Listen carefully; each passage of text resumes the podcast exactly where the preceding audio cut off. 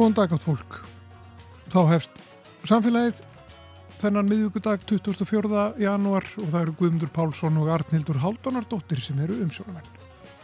Við ætlum að fjalla meðal annars um gerfigreind. Fjórða innbyltingin er hafinn og gerfigreindin er farin að létta undir með ýmsum starfstjættum. Taka sér að greina gögn, flokka þau og jáfnvel spá fyrir um framtíðina. Nýlega hafa fræðumenn rannsakað hvernig gerfugreindin getur nýst til að styrkja starfsemi heilsugæslu höfuborgarsvæðisins og niðurstöðunar benda til þess að gerfugreindin geti stór mingað álaga á heilbreyðstarfsfólk og jafnvel dreyður kulnun. Við ræðum þetta við Steindór Ellersson, sérnámslækni sem komið hefur að þessum rannsóknum á samt fleirum. Hnúfubakur hefur gert sig heimakomin í Hafnarfjörðarhöfn undafarið mörgum til gleði og skemmtunar og það var til dæmis byrst ófá myndskeið og ljósmyndir á samfélagsmiðlum að kvalnum að busla í höfninni og það sama gerist í februar á síðasta ári og vakti mikla aðtegli. Við ætlum að rifja á eftir upp viðtal sem við tókum þá við ettu Elisabethu Magnúsdóttur kvala sérfræðing á Hafnabakkana. Og svo eru málfarsmyndanum sínum stað og Etta Olgudóttir kemur í vísendarspjall. Já. Við verðum með tvær ettur í dag. Já, en byrjum en, á gerfigreind í heilbreyðistjónustu. Já.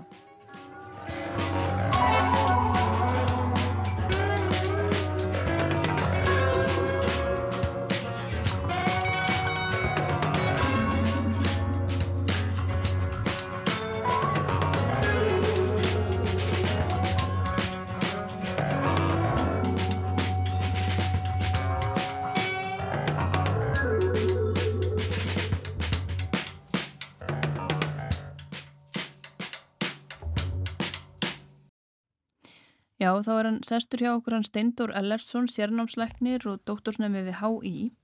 Velkomin í samfélagið, Steindór. Takk hjá það fyrir það. Þú hefur ásamt fleirum, ásamt Rafni Loftsinni, dósend í tölvunafræði við HR, Stefóni Ólafsinni, lektor í tölvunafræði, samaskóla og Emil Sigursinni, professor við Læknindelt HÍ, unni að því að rannsaka hvernig ég nýta gerfugrindina til að létta undir með starfsfólki á hilsugjastlu höfbruksvæðsins. Já, við höfum á, á undanfjörðum árum verið að, að, hérna, að skoða hvernig sko, þessi tækni er nýtanleg til að leta undir með ímsu verkefnum. Það er margt að gera á heilsugæslinu og heilbískefnu almennt og maður sé svona þverskurður þessar að tækja sviða þar að segja tölunafræðinar og, og þar með gerugrindarinnar og e, læknisfræðinar er alltaf að verða sko starf og starri en þá svona fer maður kannski að velta fyrir sér sko með hvaða hætti er hægt að sko bara nýta tæknina sem fyrst og með sem, sem bara bestum hætti í rauninni. Já, og þið eru búin að eh, voru kannilega snemma að fara að staði þessar rannsóknir því að það eru komin hvað fjögur rannsóknarverkefni frá árinu 2021. Já, sko ef ég bakka eins þá hérna ég útskrifaðsleikni 2012 og, og hérna e, fer út í rannsóknir svona að hluta til með praktist elementi huga þar að segja um, hvernig er hægt að búa til verkverð sem geta í rauninu bara hjálpað í, í dalæri vinnu? Og ég fylgst alltaf með gerurgrindinni, ég var, var forrönda mikið í mentaskóla og þetta var alltaf svona hangið í mig líka þannig að maður sá einmitt sko sviðin voru alltaf svona færast nær á nær. Þannig að sko Emil þess að sleimban leitmættum minn í dóttarsnáminu og ég hérna kem og hitti hann hann á 2018 og þá svona rúlar þetta bara alltaf stað. Og svo er HR og, og hérna líka HI þetta með mjög sterka Uh, í raun bara deildir sem að hérna, sína rannsókn þessu sviði þannig að úr þessu var svona eiginlega starra samstagsverkefni um, í kringum dalsmann og þetta er einmitt afraksturna því sem er að koma að fram í, í þessum greinum. Mikið fá bara smá myndaði hvað, hverjar afröðunar eru og, og hvernig er þetta að nýta þær? Ef við kannski bara byrja þá á velnámslíkani fyrir klíniskar greiningar sem að þið þróðuð. Já, uh, það er ansvokk sem að nýtir í raun gögn sem eru bara til í sjúkraskrám sjúklinga og þetta er ákveðin líkun sem að geta svona eiginlega lesið sko, samskiptanótu lækna og sjúklinga og þar með í raun spáð fyrir um líkindi á, á þeim greiningum sem að við veljum og í þessu tilíki voru að höfverkja greiningar sem við, við völdum. Og þetta er það að hugsa sem í raun hjálpar tól um, að koma strax með tillögur og, og líka er um skref kannski á lengri vegferð að því þannig eru líka eins að skoða hvernig sko líkunin virka. Og það er óslulega mikilvægt í, í helbrið samengi þar að fá í raun e, gagsægi og, og upplýningar um, um hérna, hvers vegna úttak líkanana er eins og það er. Og það myndi segja að væri eiginleitt að mikilvægsta í, í helbriðiskerinn, það er að við vitum akkur líkunni eru að, að, að segja að, að það er að koma út úr þeim það sem, sem kemur. Já, og eru þau svona, standast þau ykkar væntingar? Eða eru þau stundum bara alveg í rugglinu eða hvernig, hvernig standa þessi líkun sig? Já, þau, sko, það fyrir svolítið eftir í hvað samhengi þú, sko, þjálfar þau. Um, eins og í þessu tilviki þarna er í raun líkan þjálfað á uh, allskynns, sko, einkinnum og, og breytum sem að, sko, læknir í hefðbundu samhengi notar til þess að, að, hérna, að greina sjúkling og þarna síndum við fram á svona, já, sveipaða jafnvel ívið betri greiningarhafni líkansins í samanburði við þá sérnámslækna og, og sérfræðinga. En það verður samt alltaf að taka þessum niðurstöfum með hérna var að því að sko það er ákveðin áskorun líka að mæla hversu góð líkun eru. Og, og, hérna, og það er eilíft umræfni hvernig var að mæla á einhver svona líkana. Þannig að hérna, þarna var þetta svona tiltöla nýtt bara pröfverkinu sem vorum að stað með og, og kenningi var svo, við gætum hugsalega fengið kannski svipaðgreiningarhæfni og það stóðst þannig að hérna en svo eru önnur verkefni sem við farið að stað með þeim það sem að, að líkunni kom okkur mjög óvart og þá að báða vegu í rauninni Já Var þetta skellur fyrir uh, sérfræðingana á helsugjastlunni að eitthvað tölvu líkan væri farið að standa sér betur við að greina höfuverkjarsjúkdóma? Nei, það, það held ég ekki. En þetta var, var grein sem kom út af þeim tíma að það kannski svona, nú er gerðuglega miklu meiri umræðinu, sérstaklega eftir að til dæmis chat-GPT hefur komið fram. En þetta var kannski meira þeim tíma það sem að, að það ríkti mjög mikil svona skeptisismi gagvart þessari tækni sérstaklega innan helbrískerans Þannig að hérna, en skellun, nei, ég held að sko flestir innan heilbríðskerðis eru komnir á þá skoðuna að, hérna, að þessi tækni verði fyrst og fremst stiðjandi og hjálpandi og, og, hérna, og það er gríðarlega þörf fyrir það. Svo var annað eh, verkefni sem þið reyðust í sem tengdist öndun að fara sjúkdómum. Já, það er einmitt svipa líkan og, og greinir höfverkina en, en þarna mælum við raun sko framistuðu líkansins með öðrum hætti. Um, höfverkjalíkani var í raun borið saman við lækna og þá er við raun að, hérna, að skoða hvort að það e, nái svipum árangur og læknir og, og manneskja er náttúrulega alltaf með e, bjaganir og, og gerir mistök en, en varandi öndunafara líkani þá nótu við raun bara mælanlegar útkomur sem eru þá bara í raun objektívar og, og er að mörgu leiti mjög betri leið bara til þess að mæla árangurinn. Og þá erum við að skoða raun hvort að við getum þá fundi sjúklinga áður eða koma hilsugjastlu sem eru þá með væga enginni sem væri það hugsanlega hægt að meðhandla heima. og við vitum samkvæmt rannsóknum að, að talsveit hátt hluta sjúklinga í þessum uh, sjúklingahópi er með slíka enginni en í dag er þetta ekki hægt, hægt að því að við, við eigum verið ekki verkvarinn til að meta sjúklinga áður eru koma þannig að allir þurfa að koma bara í, í sögu og skoðun á, á hilsugjastlu. Já, þannig að það væri þá þurft þá að treysta á upplýsingar frá sjúklingunum myndi þá gefa upplýsingar um ástandsitt og líðan Já. og svo myndi gerfugrindin raða þeim á eftir alvarleika þá. Já, í rauninni. Og þarna kemur maður líka ná annað, annars við, sko, þetta er eitt púsl í mynd sem að tekur í raun svolítið tíma að setja saman að því þarna ertu að meta í raun engungu líkan í sjálft en svo þarf þá líka að fara að skoða hvernig bregst manneskja við þá kannski álíkum frá svona líkani og einmitt eru upplýsingar frá sjúklingum nægilega áræðanlegar og, og hérna mm. er það ekki e, möguleg mikil breytileiki á milli og það er alls konar svona hluti sem það líka skoða. Þið lendi alveg í því að fá fólk til ykkar sem er bara með e, lúnabólgu en segir bara þetta er ekkert, þetta verður búið eftir nokkra daga og myndir kannski gera lítið úr sínum engjönum. Já, það skiptum við gerðugrind. Myndir segja allir, allir rækna kannski við að það er að fá fólk sem að hérna aldrei neitt er all en er svo með hjarta áfall það er, það er mjög hérna það, svona, það eru svona ákveðni varnagnar kannski sem þarf að slá í alveg klálega og þess vegna erum við núna með þetta líkan í það sem kallast framsýndanansókn á heilsugjastlunni og þá fáum við raun bara rauntíma gögn inn í líkanið og getum skoða nákvæmlega hvernig fólk svarar í raunrunum ástæðum og sé þá í raun ráleikinga líkansins út frá þeim útkomum sem sjúklingarnir fá svo að endingu og þetta er þá svona eiginlega öryggismat getur svona líkan starfað í raunvöldum aðstæðum en veiti þá ynga ráðlingar eins og staðan er að að við viljum ekki hafa áhrif á farfi sjúklingsins fyrir að við hefum staðfesta líkan er örugt.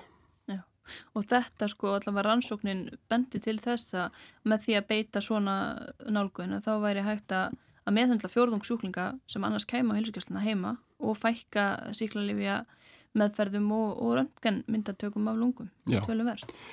Eh, það er vita samkvæmt rannsóknum að, að við erum að uh, ofnóta rannsóknir, við erum að ávisa ómikið síklarlifum, það er talið að um það byrju önnu hver síklarlega ávísun í hópi, þessum hópisjúklinga sé bara er óþarfi.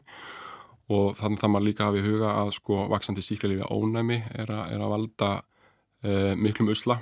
Og, og hérna þannig að, að hugsun er þá þarna í rauninni svo að, að við getum annars vegar hugsanlega þá fundi fólk sem er væg enginni og og rálagt þeim með öðrum hættum við gerum í dag en líka verið þá sem að, koma samt sem aðra á heilsugjastluna að þar sé þá hægt að gefa spesifíska leiðbyrningar fyrir þá, þessa sjúklinga. Já, og svo er það að skoða sko í hinnum rannsóknunum uh, svona möguleika á samskiptum og ráðgjöf og þá einhvers konar spjallmenni og heilsuvera er náttúrulega komin með það spjallmenni þar eða þú getur rætt við hjúkurnafræðing og oft talar þau fyrst við einhvers konar gerfugreind er það ekki eða, eða eitthvað skonar uh, fyrirfram ákveðið samtal? Já, það er sko, þessi vinna hefur verið undanfærin ár uh, svona að aukast. Að, hérna, að upplýsingarmiðstu heilsugjastlunar er, er komin á stað og, og, og það er þá sem sagt uh, það sem þú vart að vísa til, þar eru hjúgrunarfræðingar sem eru unnsýta við spjall og þú getur þá leitaði ráða þar fyrst áður þú ferð.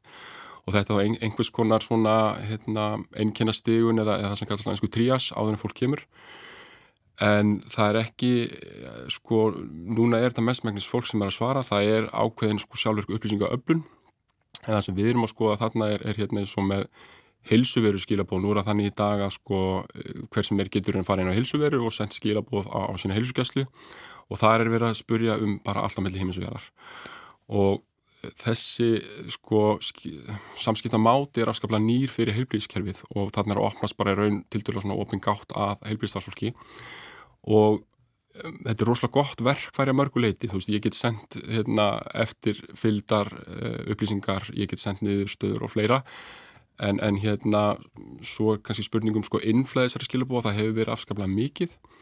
Og þannig eru við að nota erum líkan til að, að, að sko forflokka og, og formynda svar tillögur á samt því að búa til eigðublöð sem þarf að búa til sjálfvirt út frá þeim upplýsingum sem koma fyrir í þá beðinni sjúklinga. Já, þannig að þetta er svona sjálfvirkni væðing þessara skriffinsku sem að mörgum læknum finnst íþingjandi. Oft er þetta kannski bara eitthvað einfalt, bara endun í að livja beðinni eða hérna, já, tilvísun eitthvert já. sem að þarf ekki alltaf. Já, já, allt, allt er unnið handvirt í dag og það er óslulega gott að hafa þessa leið á mörgu leiti að því að sko ef heilsuverið var ekki þá væri þetta þá kannski síntala jafnvel viðtal og byggtíminn er langur þannig að þetta er þjónast sem fólk þarf.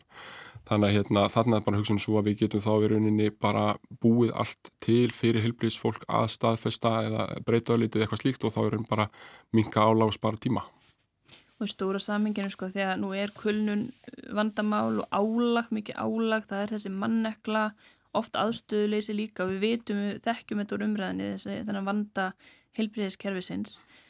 Hversu mikið getur þetta hjálpa til þessi tæknifæðing? Hún getur haft rosalega mikið að segja og ástæðin er svo að hérna, í dag fyrir hvert klukktíma sem ég heiti sjúkling þá eða ég semst tveimur klukkutum í papir eða í tölvunni og það er rosalega sláandi staðrænd í undirmönnuðu heilbrískerfi og eins og staðan til dæmis hér á Ísland í dag uh, við erum til dæmis með um það byrj helmingi farið heimilisleikna á per capita en, en normenn og það er að koma fram núna rannsóknir sem er að sína fram á svona líkon geti spara tíma um kannski 50-70% sem þá í rauninni fer í pappisinu. Þannig að það er til gríðarlega mikils að, að vinna og, og það sem er helst tengt við burnout eða sagt kulnun í dag innan helbískjörnsins er pappisina. Það er bara nummer 1, 2 og 3 og þessi sagt, rafrannu skilaboð e, það sem kallast á ennsku patient inbox messages þetta er ekki bara íslenskt vandamál þetta er bara alþjóðlegt, e, allavega vestrænt. Og þau eru bara efst þar á blæði líka þannig að takmarki hérna er líka svolítið að finnis að þætti sem að hafa virkilega áhrif og reyna að stýra þeim í betri farveg. Já, það er þetta fjall á skilabóðu með þetta fulla tölvupósthól sem einhvern veginn læknandi náaldri að vinna almenna á. Og margir nefnir með þetta sko að hluti þessu vandamáli er að þú sér alltaf, þú, þú ert að vinna einhverjum haug sem er alltaf að hlaðast upp, talan er alltaf að hækka og það er alltaf að koma meira verkefnin að borði hjá þér og þú hefur einhver stjórn. þannig að, hérna, að sko, þetta verk var núna að fara bara í prófanins inn á, á hilsugjastlu og mikil pressa bara að fá þetta eins sem fyrst til að bara að reyna að, að hjálpa til Já, þannig að þetta geti þá allavega sko auðveldað líf og, og störf heilbreyðstarfsmanna og kannski gert þau svona áhugaverðar og nær því sem að þau mentuðu sig til. Já, það er líka auðvitað mjög sterkupunktur og, og hérna, mikið mitt sérstaklega sem til dæmis semlíslangar hvart yfir er að að hérna, þú færði í mörg ári í skóla og, og svo endur á því að eða rosamökkum tíma ég fyll út vottorð og pappir og eitthvað sem kerfið, kerfið þarnast þannig að einmitt allir vilja náttúrulega fá fókusin meira á tíma með sjúklingum og að, að eiga við klínisk vandamál.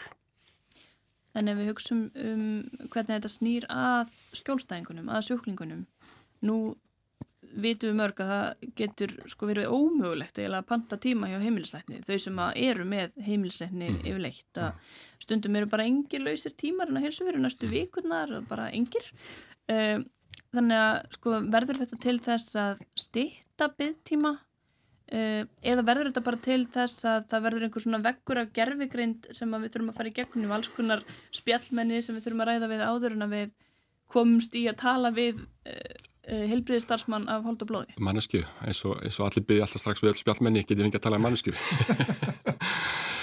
Nei, það er ekki ætlinin og eh, sko heilbriðiskerfi er að mörgu leiti ólíkt hefbundinni þjónustu að hérna e, það þarf að vera gott aðgengi og við þurfum líka að stíga þessi skrefur varfarið innan heilbriðiskerfisins við getum ekki gert þessu til dæmis margir í, meina, eins og í böngunum eða eitthvað slíkt það taka upp alls konar tækni og skoða á með þetta en, en þú komið með sko heilsu og líf fólks í, í hendurnar þá er það bara gildanu lögmál. Það er bara persónuvendaleg og já. Já og bara öryggi ja. og sko að sína fram á sko í rannsóknum að, að þetta sko sé örugt og, og virki það er rosalega náttúrulega sterk krafa innan bara langsvæðinar Þannig að hérna, það er engin held ég að hugsa á þessum nótum heldur fyrst og fremst að reyna aðstóða minga vinnu og minga álag. Næstu skrefi í ykkar rannsóknum uh, og hagnýtingu þeirra, hver eru þau? Uh, við erum að fara á stað með, sagt, þetta eru svona eiginlega tveir vinklar þá, þetta eru það sem við köttum ennkynastíðuna líkun og svo er það þessi sko mállíkun sem við notum til þess að sko formynda þá uh, svörin við, við rarhægum skilabónum Við erum bara svolítið að íta þeim áfram á víðari vettvang, uh, málíkunin til dæmis, er hægt að nota þau til að, að formynda uh, aðra geðir af pappisinu eins og til dæmis vottor, uh, beðinir, tilvísanir og maður sé svolítið að sko þróunin fer í þessa átt. Og, og svo er það einnkjenstíðan líkunum, það er í raun að, að hérna, það gildir strángar í lagarami um þau, þau þurfa að fara að endingu í gegnum sagt, bara slempir að samanbyrðaransókn og, og, og meta notagildið en að því gefnum að þau haldi áfram að gefa góða raun þá eru við að þróa líka eins og líkan fyrir sagt, bakverki og höfverki og þessi svona heilsugjastlu vandamál sem að gætu þá verið þýðingamikil fyrir hérna, álagstjórnun og, og ráleggingar og, og slikt þannig að þessi vinna bara, hún heldur áfram og verður bara breyðari það er svolítið fókusin hvernig sérðu heilbríðiskjörfið eh, fyrir þér eftir 5-10 ár með tilliti til þessa? Sko, eftir maður horfur ofta svona næstu tíu árin þá, þá líklega koma fyrst og fremst líkon sem að, að þurfa ekki að vera skráð sem lækningatæki. Og það er svona eða þessi grófu tveir hópar sem hægt að tala um gerðingandi líkon innan, innan langsfæðina, það eru þá líkon sem þurfa að, að vera skráð sem slíkt tæki og þau sem ekki þurfa og þróun á þessum sem þurfa ekki slíka skráningu, hún getur náttúrulega gengið miklu hraða fyrir sig og það eru til dæmis mikið af þessum líkonum sem er að formynda pappir sem að þá í rauninni heilbríðstarfsmæður hefur þekkingu til að meta hversu gæða mikið úttakið er og þá breyta eða staðfesta eftir þörfum. En þannig að maður sér fram á svo næstu fimm árin að, að, að þá geti pappisvinnan, sem sagt, hún geti umbreyst talsvert. Svo hægt og rólega er að koma fleiri og fleiri líkon sem munu hafa áhrif á í raun sko klíniska farveg sjúklinga en, en þau þurfa bara lengri rannsóknar tíma og, og hérna, eru kannski þá meira í svona 5-10 ára tímar að mann myndi halda. Já, við viljum mm. ekki að treysta alveg á þeirri leipið þeim að, að sjúklingum. Algjörlega, það er ótrúlega margt en það sem þarf að, að, hérna, að skoða og líka það sem er nýtt fyrir okkur að hérna, meta samskipti til dæmis mannesku og tækni, það er ekkit einfalt og, og hérna, hvernig fólk bregst við þessu og svo er það siðfræðin og við þurfum að vita hvernig þessi líkun virka og, og það eru bjaganir og það er ótrúlega margt sem við ekki snert á sem að þarf að meta líka og skoða. Já, mm. ótrúlega spennandi tímar framöndan, greinlega.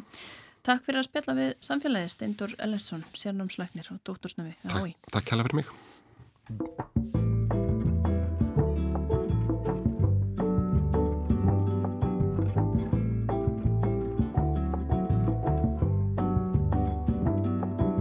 Moved out to a new city June is dawning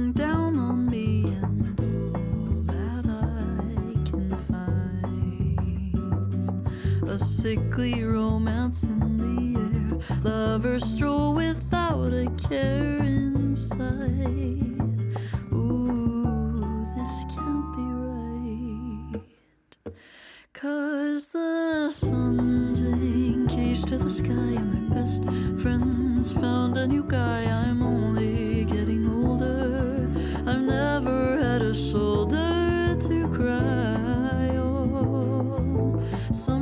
to call mine Everybody's falling in love and I'm falling behind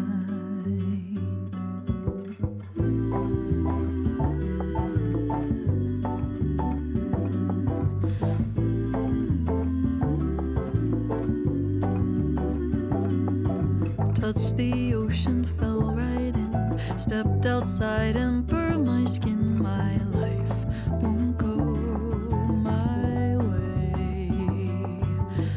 In my room. Hope that I'll find someone to to love. Because the sun's engaged to the sky. My best friend's found a new guy. I'm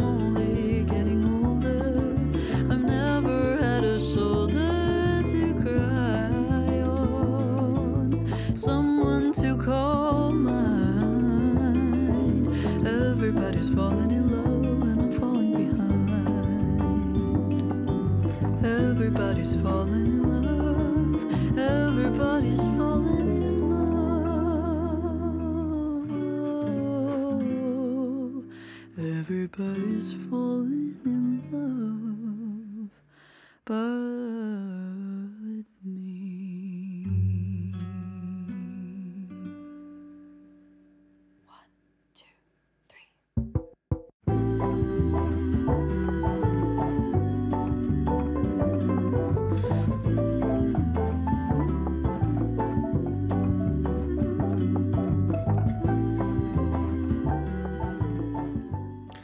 Þetta er Laufey og lag sem heitir Falling Behind.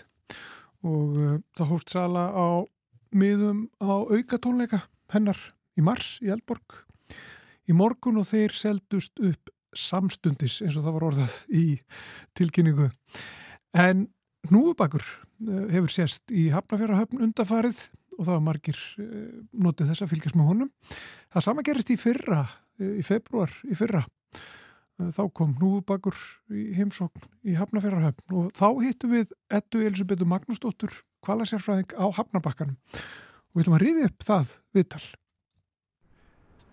Ég kom inn hingað uh, við Hafnarfjörðarhöfn og stend hér og góni hérna út á sjó og er að leita núbökum sem eru stórir kvalir sem að uh, við heyrðum frettir af að væru hér að þvælast.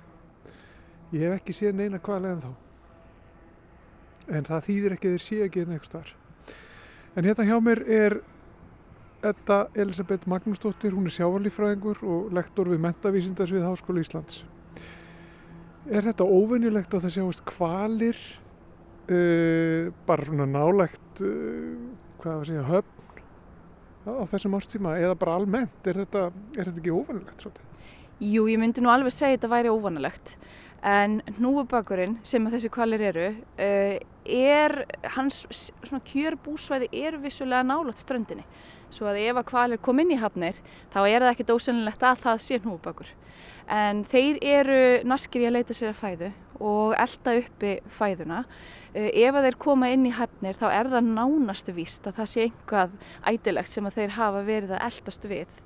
Og ástæðan fyrir því að það sé frekar hnúfubakur heldur en annar kvalur er einmitt það að þeir eru svona þeir kvalir sem skrýða svolítið eftir ströndinni og leita sér að fæðu. En það er kannski sérlega óvanalegt svona vetri til. Nú er februar og svona allavega samkvæmt fræðunum eins og, eh, eins og við lærðum þau áður að þá eigða hnúfubakar veturinu meir og minna við miðbögin. Þar eru fengi svæðin þeirra eða ekslunasvæði, þar sem þeir hittast stopnar frá mörgum fæðusvæðum, til dæmis frá Íslandi og Noregi og fleiri stöðum og þar sem þeir makast eða, eða kýrnar þær eru að kelfa. En uh, það virðist vera bara miklu meiri sveigjanleiki í þessum dýrum heldur en við gerum ráð fyrir áður. Það getur líka verið að við sem að sjá vísi þess að stopnin er að ná sér betur á stryk heldur en áður. Það hefur sennilega verið ágættis fjölgun í stopninum síðustu kannski áratvíi og rannsóknir hafa vissulega bent til þess og þá kannski ekkit óvanalegt að við erum að sjá þá reglulegar á þeim svæðum sem eru þeim náttúruleg sem er einmitt svona strandsvæði og við erum að sjá að þeir eru mun uh, já, sveigjanlegri hvað var að tímasetningar. Við svolítið töldum að þeir myndu bara hefja sig þegar vetur eru konungur kæmi og, og færu svolítið í, ástarleit uh, eða, eða alla sína unga. En uh, það virðist vera að ef fæða er til staðar að Og, og þeir kannski möguleg ekki tilbúinir í ferðalagi, þetta eru 6.000 km cirka, þetta er svolítið langt ferðalag, að þá geta þeir hangið við á fæðustöðunum og þeir við að skera það frekar við Ísland heldur en til dæmis Noreg. Það gerist af og til í Noregi og hefur verið svona, svona um áramótin eða svo að þá hafa verið svolítið að síldartorfum sem kom inn í fyrðina og þá hanga þeir þar því að síldin fyrir þá eru þeir hornir. En það verist að vera aðeins fjölbreyttara hvað þeir geta sótt í hér við Ísland svo við erum að sjá þá í alls konar fæði. Mögulega hefur verið uh, smásíld hérna inn í höfninni sem hefur dreyið að. Við erum ekki búin að, hérna, að, að sanna það en það er svona ekki ólíklegt og við höfum séð hvernig þeir eru að geta. Þá er þeir að koma upp með opið genið og uh, þá er þeir, það er svona sérstök hegðun eða fæðuhegðun þegar þeir eru að, eða veiði, veiði hegðun þegar þeir eru að veiða smáan fisk. Uh, en svo höfum við séð að vera að veiða ádu og ímislegt uh, hérna við Ísland yfir vetturinn. Svo það virðist vera bara hér við Ísland sérstaklega að þar eru bara kjör aðstæður fyrir þá yfir veturinn ef þeir eru ekki tilbúinir í farið. En svo eru þeir orðinni frjóir á þessum tíma. Svo að maður gæti séð og kannski æstlast og það við höfum verið að taka upp söngva og það er einmitt söngvarnir sem að gefa til kynna að þeir séu í ástraleit og þeir gera það alveg hér líka sem er svolítið áhugavert. Þeir eru ekki bara að henda sér yfir í, hérna, í heituhöfun til þess að gera það. Þeir byrja hér ef þeir er æti hér og þeir eru frjóður og til í tuskið þá bara virðast þeir reyna einhvern veginn að blanda því saman. Og þannig erum við að sjá kannski tegund sem er miklu fjölhæfur og dýnamískari heldur en sumar aðra tegundir og það gæti, te, kvala, og það gæti verið svolítið ástæð þess að þessi tegund virðist verið að ná sér ágjörlega á stryk sveigjanleg í búsvæðavali, sveigjanleg í fæðuvali og greinilega sveigjanleg hvar þeir þurfa að vera þegar hérna, svona, uh, ástarhormonin rjúka upp hjá þeim. Og, og er þetta þá svo tegund af þessum stærri kvölum sem er einna algengust eða hvað? Já, núna er hnúfubakurinn orðin einn algengastur við strendur Íslands. Svona, uh, það er ekki, kannski vantar uh, svona formlegar talningar en uh, það sem að kvalaskoðunar fyrirtækin eru að sjá, það er fyrst og fremst hnúfubakar uh, og, og, og yfir meirum minn allan á sér sring. Svo þegar sumara kemur þá eru fleiri tegundur sem bætast þarna á listan. En það er ekkit svo langt síðan að uh, til dæmis hér við Suðuströnduna voru aðalega hrefnur sem vorum að sjá í kvalaskoðunarferðum en svo breytist eitthvað svona í kringum kannski 2008 til 10 að hnúubakarnir fara að fjölga hérna meira og verða svona aðal uh, kvaletnir í kvalaskonarferðin við Ísland. Uh, svo að þetta, þeir eru, jú, orðinir kannski þessi algengustu. Stórir og miklu kvalir, þeir verða um 40 tonn full vaksta og um 15 til 18 metrar, þannig að þetta er alveg stærðir en að dýr. Og, Var, já.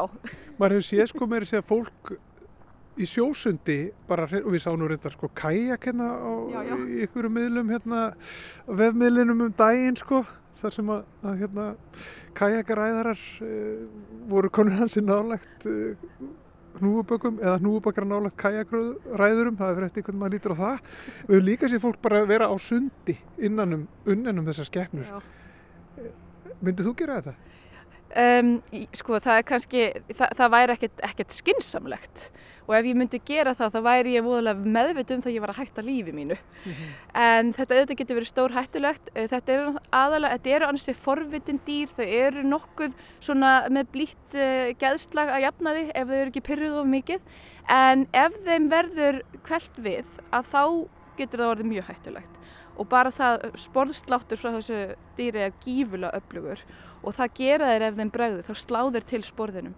Uh, ef að fólk heldur sig bara svona í hæfilegri fjarlægð að þá er þetta svona mestmögnis nokkuð örugt en þegar þú ert til dæmi sundmaður eða kæjagræðari, kannski sérstaklega kæjagræðari vegna þess að það heyrist ekkit íkja mikið í þér. Og sérstaklega þú situr bara kjör og lætur þið fljóta Þetta er náttúrulega voðalega hérna, hljóðvænt, það er ekki háað í þessu og æslagangur og trublar kvalin ekki þannig en hættan er kannski svo að þeir átta sig alveg alltaf á nákvæmlega hvar þú ert mm. og þeim getur brugðið þegar þeir kannski skindilega verða vör við eitthvað þarna upp á yfirborðinu og kannski slá sporðinum.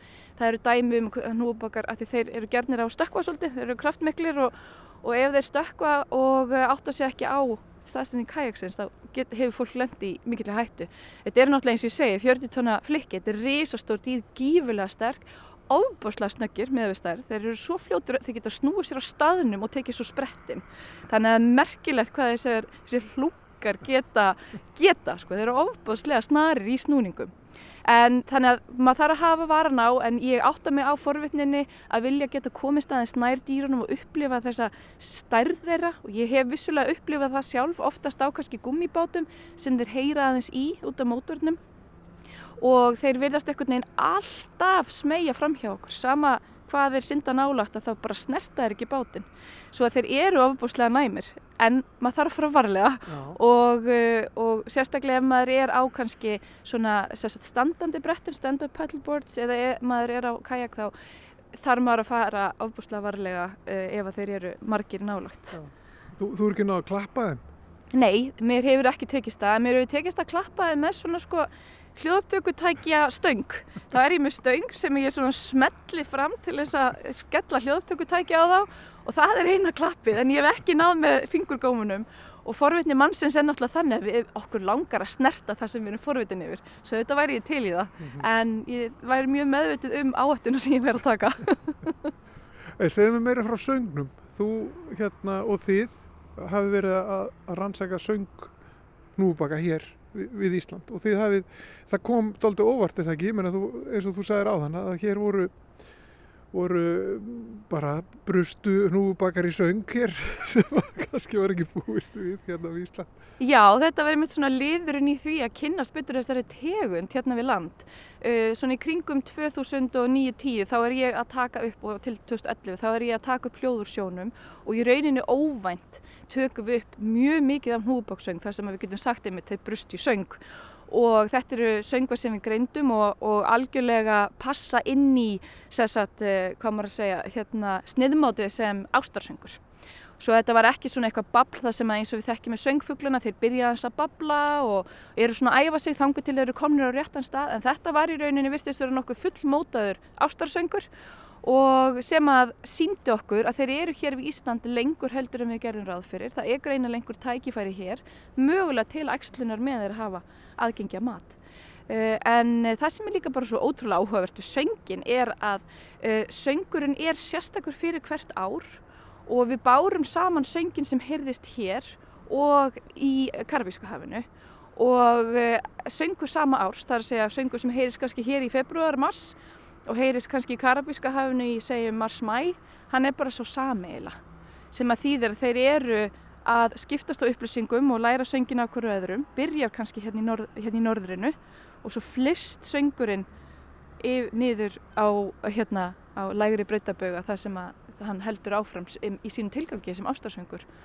Og breytist þessi söngur bara ára á ári eða hvað? Já, þeir gera það nefnilega og hvort að það sé viljandi, við, það er erfitt að segja en það sem að gerist er að þegar hnúbakar er að byrja að syngja þá er svona ákveðin, uh, þeir eru nokkuð gjarnir á að bæta inn nýjum hljóðum uh, og við höfum ekki alveg átt okkur á hvort það sé tilvílunarkend eða, eða viljandi en vegna þess að þeir eru að bæta nýjum hljóðum en halda eins í það sem þeir muna frá árinu áður, þannig þróast þetta. Þannig að það er, þeir byggja oft á fyrirsöngum en stundum gerist það að það kemur annarkvort einhver, bara svona eins og við segjum, tónskáld, ný, svona mikill nýskupunar kvalur með mikið að nýjum tónum og ef aðstæður eru þannig, hann er kannski að syngja það sem eru margir hlustendur og þeir pikka þetta upp, þá getur söngurinn breyst drastist frá milli ára. Það kallar svona söng revolution uh, á fræðumólinu, eða song revolution og eh, þannig að það er greinilega einhver svona tendens til þess að heyra ný hljóð og færa þau inn í söng svona rununa sína eða repertórið sitt. Svo þetta er, þetta er uh, mörgum spurningum ennþá ósvarað en þetta er einhvers konar kynval sem ásett þarna stað sem verður til þess að þróun á þessu, þessum hæfileika verður. Og það er það sem vísindumennir reynar að lesa í. Hvað er það í söngnum sem að gerir karlkinnið, af því að karldýrið er það eina sem syngur, sem gerir það einhvern veginn hæfara, því að syngja meira um en eins og það er erfitt að greina um milli einstaklinga Já, af hverju, af hverju þá uh, þessi söngur einhvern veginn er meira aðlægand en, en einhver annar eða hvað? Já, af hverju er þeir að hafa fyrir því að syngja svona mikið? Mm -hmm. engin, þeir geta sungið í 20 mínutur í senn í einu og eru, þegar þeir eru komin á ægslunastöðnar þá eru þeir ekkert að geta, þeir eru bara að syngja og syngja og svo eldast til kvendir. Þannig að hvað er það í söngnum sem að svona gerir það hæfari? En það er alls konar kenningar, það er meðalannar stað að því að þeir syngja eins, þeir reyna að syngja eins, þeir reyna ekki að standa út úr. Það er svolítið áhugaverð, þeir reyna að vera Já. eins. Og það gæti verið að þetta sé líka smá samvinna. Að það sem að söngvarnir eru og það gæti farið haft svolítið áhrif hormonambúskap kvendýrana og ítt undir egloss þannig að það er eina af ástæðanum sem að gæti verið og það er alveg dæmi um að svona umhverjus og utanakomandi aðstæði geti haft áhrif á hormonabúskap kvendýran svo að það er margt rosalega spennandi í þessu að reyna átt að sé á þessu þessari dölafullu og mögnuða hegðun Já. í dýraríkinu þarna neðansjávar Já. sem ásist að hér líka Hvernig, sko núna virðist hnúbak vera að fjölga hann er að sjást hérna í Hafnafyrði við Hafnafjörða höfn verður segja hver var staðan á hnúbaknum hérna fyrir eða segja hundra ára síðan Já, þá var stofnin stofan mjög illa og þeir voru nálátt útrýmingu. Þeir voru meðal þeirra kvala sem að gjössalna bara hrundu sem voru sjálfur sér flestir kvalir hér við Ísland. Þá sérstaklega steipureyðurinn og langurur, hnúubakur og, og búrkvalir.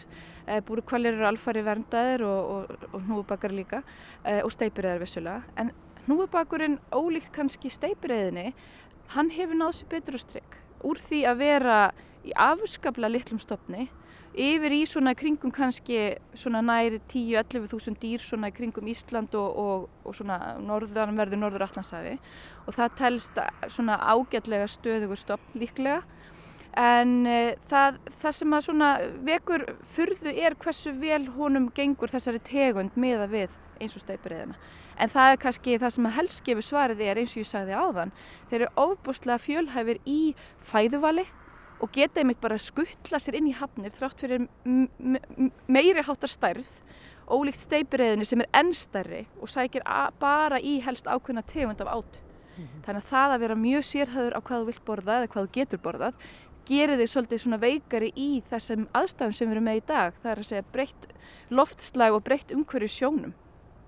Svo að eh, þessi hæfni hnúubaksins að geta komið inn á bara grunnsæfið, við höfum verið að fylgjast með þeim í 6 metra dýpi sem er bara ekki neitt, aðeins að stranda þar sem þeir eru að taka snúninga þannig að þessi hæfni verist svona hjálpa þeim í mjög breytilegu hafi um þessar stundir Þegar svona aðstæður komu upp og þú ser svona frettir og frettir af núubökum hérna bara innan seilingar sko, það er bara eins og séum, það er hérna bara hafnafjörðarhöfnin það eru núubökar, hvað hva langar þið að gera? Og, og hvaða hvað tæki setur þú í leðslu og, og hérna, hvað, hvað lákar þið að gera núna þegar þú veist að nú bökum mögulega hérna nálægt okkur? Þó við höfum nú, við erum nú búin að góna hérna út á, út á sjóin allan tíman, við erum búin að tala saman og við höfum ekki séð neitt ennþá en eins og við sögum á þann, það þýðir ekki að sé ekki neitt nálægt. Þeir eru röglega bara hérna rétt fyrir utan hafnaminni þar sem við sjáum ekki sko. En uh, jú, ég er nú búin að setja kápoti minn, svona fjárstýran kápoti hlæðslu, það er nú aðalega vegna að ég er forvitin að sjá hvað þeir eru að geta uh, hvort að það væri, ef ég hef væri svo heppin að það væri hérna nær, þá gæti ég sett út uh, sérstaklega kafbót til þess að kanna hvaða mögulega ætti væri að trekja það að. Það er náttúrulega bara það sem við vitum ekkert alveg fyrir víst uh, og væri mjög forunilegt. En svo er ég með dróna sem ég mig langar gerðnan að setja í lofti þegar veðrið er svona ágætt og hvaðlinni nála hlandi. Þá getur þú staðið bara frá landi og flóið drónunum. Og drónin, hann getur gefið mér upplýsingar um bæði hegðun þeirra. Ég get séð mögulega hvað þeir eru að geta ef þeir eru að geta upp yfirborðið og ég get líka mælt stærðin á þeim og líka bara líkamsástand þannig að það er svo margt sem ég get fengið frá þeim upp, upplýsingum. Svo það er svona auðveldast að það er það sem fór fyrst í hlæðslu en svo eru önnu tæki sem er aðeins svona krefst meiri útgerðar að, að nýta. Það, við höfum verið að setja hljóðtökutæki á þá og ég vil tæki með myndavél á. Og þá þarfst að vera með bát og þú þarfst að vera með krú og þú þarfst að fara hérna út og geta eitt öllum deginum í að vonast til þess að komast í, í í kvalin. Þannig sem maður fugglaðir eru eitthvað réttur að sækja sér eitthvað í yfirborið, það er eitthvað aðna sko. Ég, þá verður maður forvitin.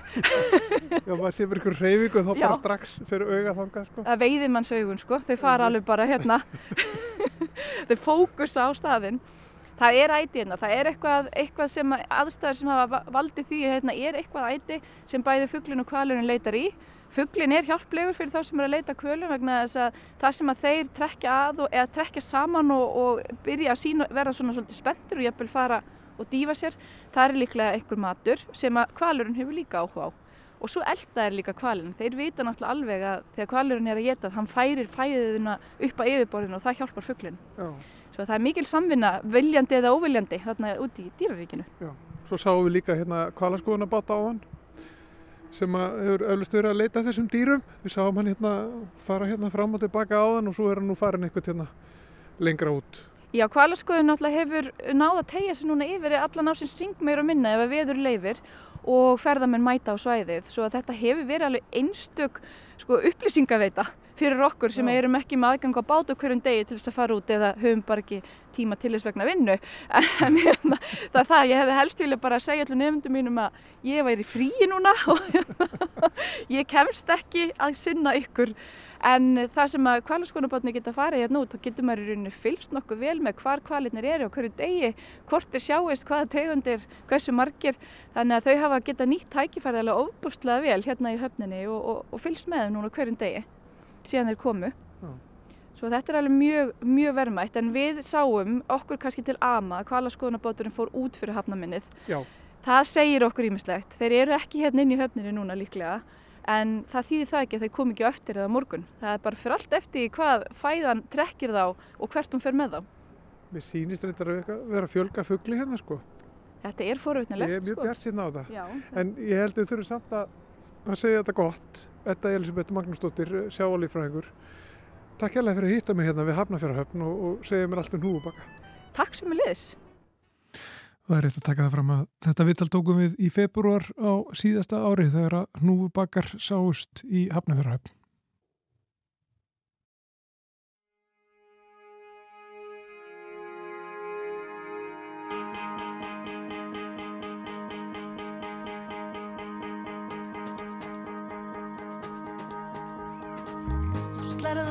þráðin sent á kvöldin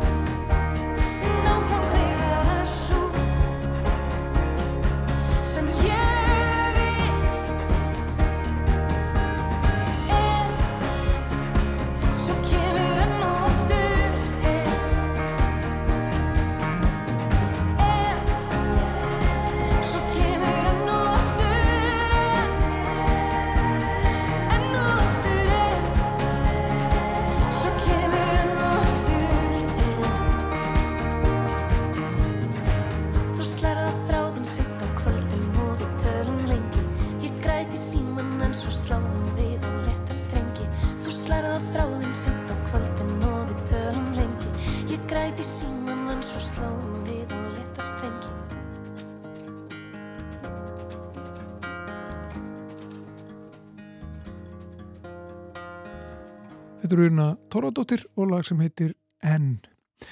Við ætlum að tala við Ettu Olgudóttur eftir smá stund, hún kemur þá í vísindarspjallið en fyrst er það málfarsminúta.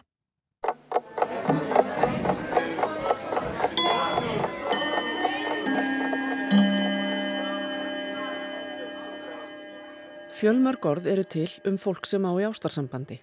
Merkingsumra þeirra er eðli málsins samkvæmt náskild en þó mismunandi eftir eðli ástarsambandsins. Algengust eru líklega orðin kærasti og kærasta og á síðustu árum hefur górukinsmyndin kærast bæst við. Þau ná yfir fólk sem einhver á í ástarsambandi við. Kærustu par er líka bísna algengt orð og merkir par sem á í ástarsambandi. Þetta eru gagsæ og góð orð sem mynduð eru af lýsingarorðinu kær. Það er notað um þann sem einhverjum þykir væntum. Dæmi, hún er mér mjög kær. Orðin kærasta, kærast, kærasti og kærustu par eru oftast notuð um ógift fólk. Það er fólk sem er í sambandi en hefur ekki gengið í hjónaband. Aftur á móti giftast kærustu pör oft og kallast upp frá því hjón.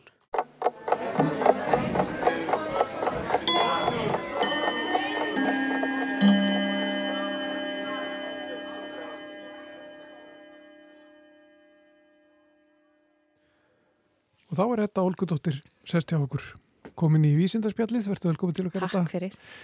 Hvað ætlum við nú að ræða í dag? Já, viðfangsefni í dag er mRNA og við höfum nú svona kannski flest heyrt það eftir að hafa lendi í heimsfaraldrinum hérna fyrir ekki svo lengur síðan vegna þess að þá var þessi tækni nótu til þess að búa til bóluefni og hérna þannig að flestir hafa nú sennilega heyrt þetta en ég ætla samt aðeins að rifja upp hvað mRNA er af því þetta er pínu hérna tæknilegt og kannski ekki allir sem að muna En mRNA er sem sagt hérna, sameind sem verður til þegar við erum að tjá genin. Genin eru skráð á DNA og svo er það umritað yfir á mRNA og M-ið sem að, hérna, er hérna, fyrir framann RNA það stendur fyrir messenger eða miðlunar RNA. Þannig að þess, þessi sameind miðlar upplýsingunum úr erðaefninu yfir í prótínið sem er vinnu einingar frumunar. Og það eru til sko rosalega margar gerðir af RNA samyndum í frumunni. Þannig að þessi samynd gegn þessu sérstakar hlutverki að miðla upplýsingunum úr eila uppskriftinni í hérna vinnueiningarnar. Og við rættum það einmitt hérna í oktober að þá var sko þau sem að eila leittu það rannsóknir sem að hérna uppkvötanir á því hvernig er hægt að nota mRNA-ið í þessum tilgangi að þau fengu Nobelsverlun núna síðasliðin hérna, síðaslið haust fyrir í raun og veru að skilgreina það að frumöndar okkar taka upp þetta mRNA sem, til, sem að kemur eila utanakomandi. Vegna þess að við erum náttúrulega alltaf að, að tjá þetta mRNA-ið og búið til prótín en svo skilgreindu þau það að þegar að mRNA kemur utanfrá að þá tekur frumann það upp og það er eiginlega svolítið skrítið. Við gerum það til dæmis ekki við prótín. Og þess vegna er þetta svolítið sérstakt. Og það sem að gerist þegar að við notum mRNA í bóluefni er að þeim er pakkað inn í svona eila fytukúlur og flutt inn í líkamann og svo tekur ónæmiskerfið hérna að taka frumöndar upp mRNA-ið og tjá búa til prótínið sem að mRNA-ið skráir fyrir. Og eins og til dæmis í, bólu, hérna, tilfelli bóluefnana þá var það prótín sem að tilheyrir COVID-19 veirusnum sem að veldur COVID-19 og þá þekkja frumundnar það sem eitthvað sem er utanakomandi. Þetta er prótín sem við notum ekki og þá merkja þær hérna að það er eitthvað síking í gangi og þannig verður mótefni til.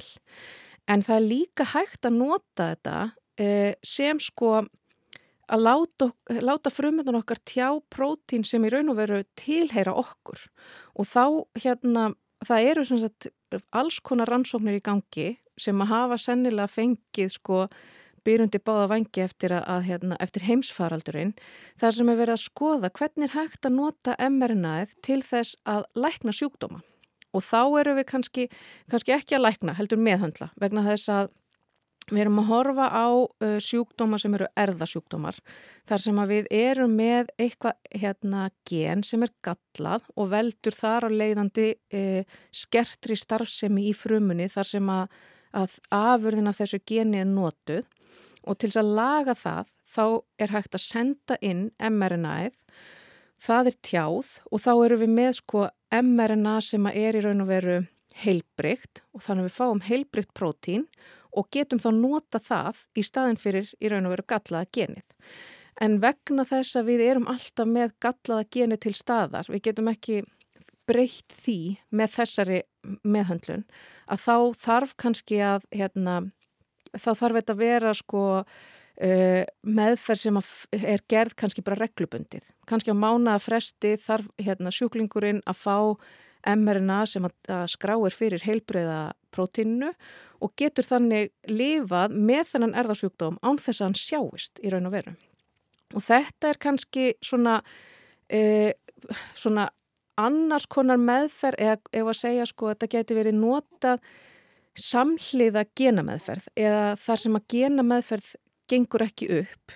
Um, þar sem að genameðferð gerir að þá eru við í raun og verið að skipta út gallaða eintækinu og það er gert til dæmis með því að hérna, í raun og verið síkja fólk með vírus sem að geymir heilbrygt eintak af geninu til þess að láta vírusin um, og skipta út þannig að, að það verður heilbritt eintak í eftir í líkama viðkomandi. Það er líka, genameðferði líka stundu gerð þannig að það eru bara teknar frumur úr viðkomandi, stoppfrumur til dæmis og þeim er erðabreitt þannig að þær fá heilbritt eintak og svo er það settar aftur inn.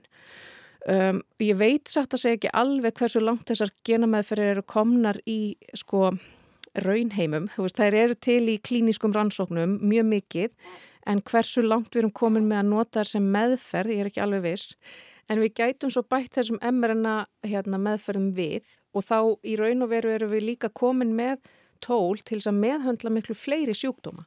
Það er náttúrulega bæðerða þannig að það er ekki hægt að meðhöndla alla erðasjúkdóma með genameðferð og svo þar að auki að þá getur verið að sko að einstaklingarnir höndlið ekki allir. Þannig að þurft, er sko þannig erum við með í raun og veru tvennskonar aðferðir til að meðhöndla sambærilega sjúkdóma sem að geta þá verið byggt á því hvers konar, sjúkdómu, hvers konar sjúkdómur um að ræða og líka hvernig einstaklingurinn bregst við.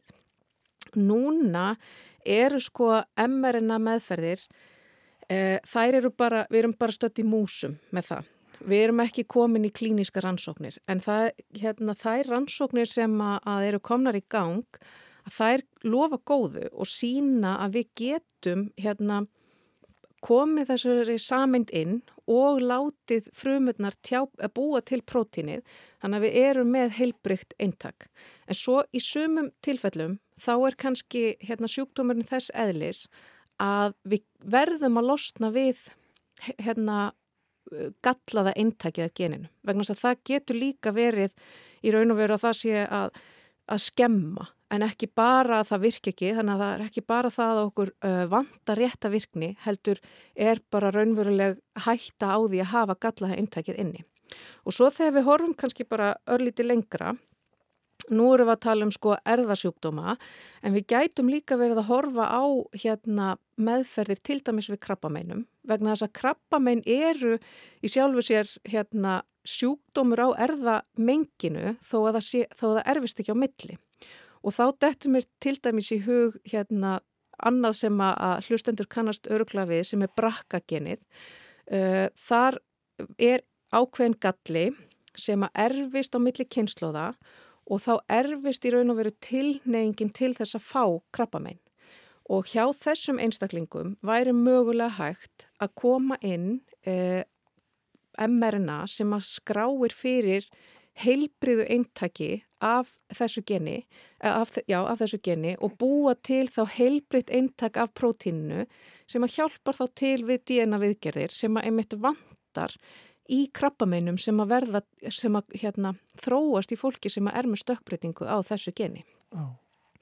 Það er, ég veit ekki hvar við erum stödd með það, hvort að við erum komin í einhverjar hérna, músatilrunir eða hvaða er, en allavega þá er þetta tækni sem að sem að það eru hérna mjög miklir möguleikar þarna og, og, og við erum að kannski að, opna svolítið svona nýtt hérna boks af tólum til þess að, að meðhandla alls konar sjúkdóma. Mm. sem er svolítið spennandi. Já, og, og þessi svona bilding sem að varð með mRNA bóluefninu á sínum tíma, mm -hmm. hefur hún skilað sér í þróun fleiri bóluefna? Já, það er líka verið að vinna í hérna, fleiri bóluefnum sem er, notast við mRNA og þá er hérna, einmitt verið að nýta þessa tækni að hérna, frumurnar búa til hérna, prótín sem er raun og veru tilheri síkli og, og merkja þannig að það er eitthvað að og það þarf að búa til mótefni gegn því. Um, það sem að sko við náttúrulega þegar að þessi bólefni koma til að þá hljómar þetta eins og þetta sé algjör nýjung og fréttinnar sem að við fáum af þessu bólefni, þetta er náttúrulega fyrsta mRNA bólefni sem var nota til þess að bólusetja fólk og það er nýjung en það er samt hérna, áratuga rannsóknir hann á bakvið og til að mynda þá eru þau eh, Weiss og Caricó sem að fengu Nobelsvelunin núni í haust. Þeirra fyrstu rannsóknir er að byrtast í kringum 1980 þannig að það er mjög langt síðan að við byrjuðum að skoða þetta og hérna en það að við skulum nota þessa tækni til þess að búa til bóluefni við heimsfaraldri sem er náttúrulega rosastórt og flýgur um allan heim og gefur sko þannig að allir þekkja til e, eða mjög margir í heiminum þekkja til þessara tækni það þýðir í raun og veru að við erum að, að hérna, fá tækifæri til að setja meira fjármagn í svona rannsóknir og mm. það er líka veist, það er svona það jákvæða sem kemur út úr svona hérna, heimsfaraldrum eða svona hræðilegum atbyrðum eins og til dæmis heimsfaraldur að það vekur aðtikla á einhverju sem að, annars kannski hefði tekið lengri tíma að vinna í gegnum. Einmitt. Þetta er Olgatóttir, takk fyrir komuna í samfélagið og hlustendur hafa tekið þetta því hann hjálpti litliðið með þér. E ekki, ekki fyrst að skita en nú komið nokkur sinnum í útvarpið. Já, já. Gaman að heyri honum. Já, gaman að heyri honum líka. En takk bæðið tvö fyrir komuna í samfélagið. Takk fyrir okkur. Og með þessu spjalli við þetta Olgatóttur ljúku við samfélaginu þennan daginn. Það er kannski rétt að benda fólki á það að það er aðtóðasemt frá viðfræðingi á viðstofunar. Það segir sunnan stormur víða á landinu seint í nótt og fyrramálið. Einni er útlýtt fyrir talsverða ofankomu á vestfjörðum í nótt. Sjá veður viðvarnir og þá erum að gera að kíkja á þær sérstaklega fyrir fólk sem ætlar að vera eitthvað á ferðinni. Já, fylgjast vel með þessu. Ég mitt. Komast ekki lengra í dag og eru hér aftur á morgun. Guðmundur og Arnildur, þakka fyrir sig. Verðið sæl.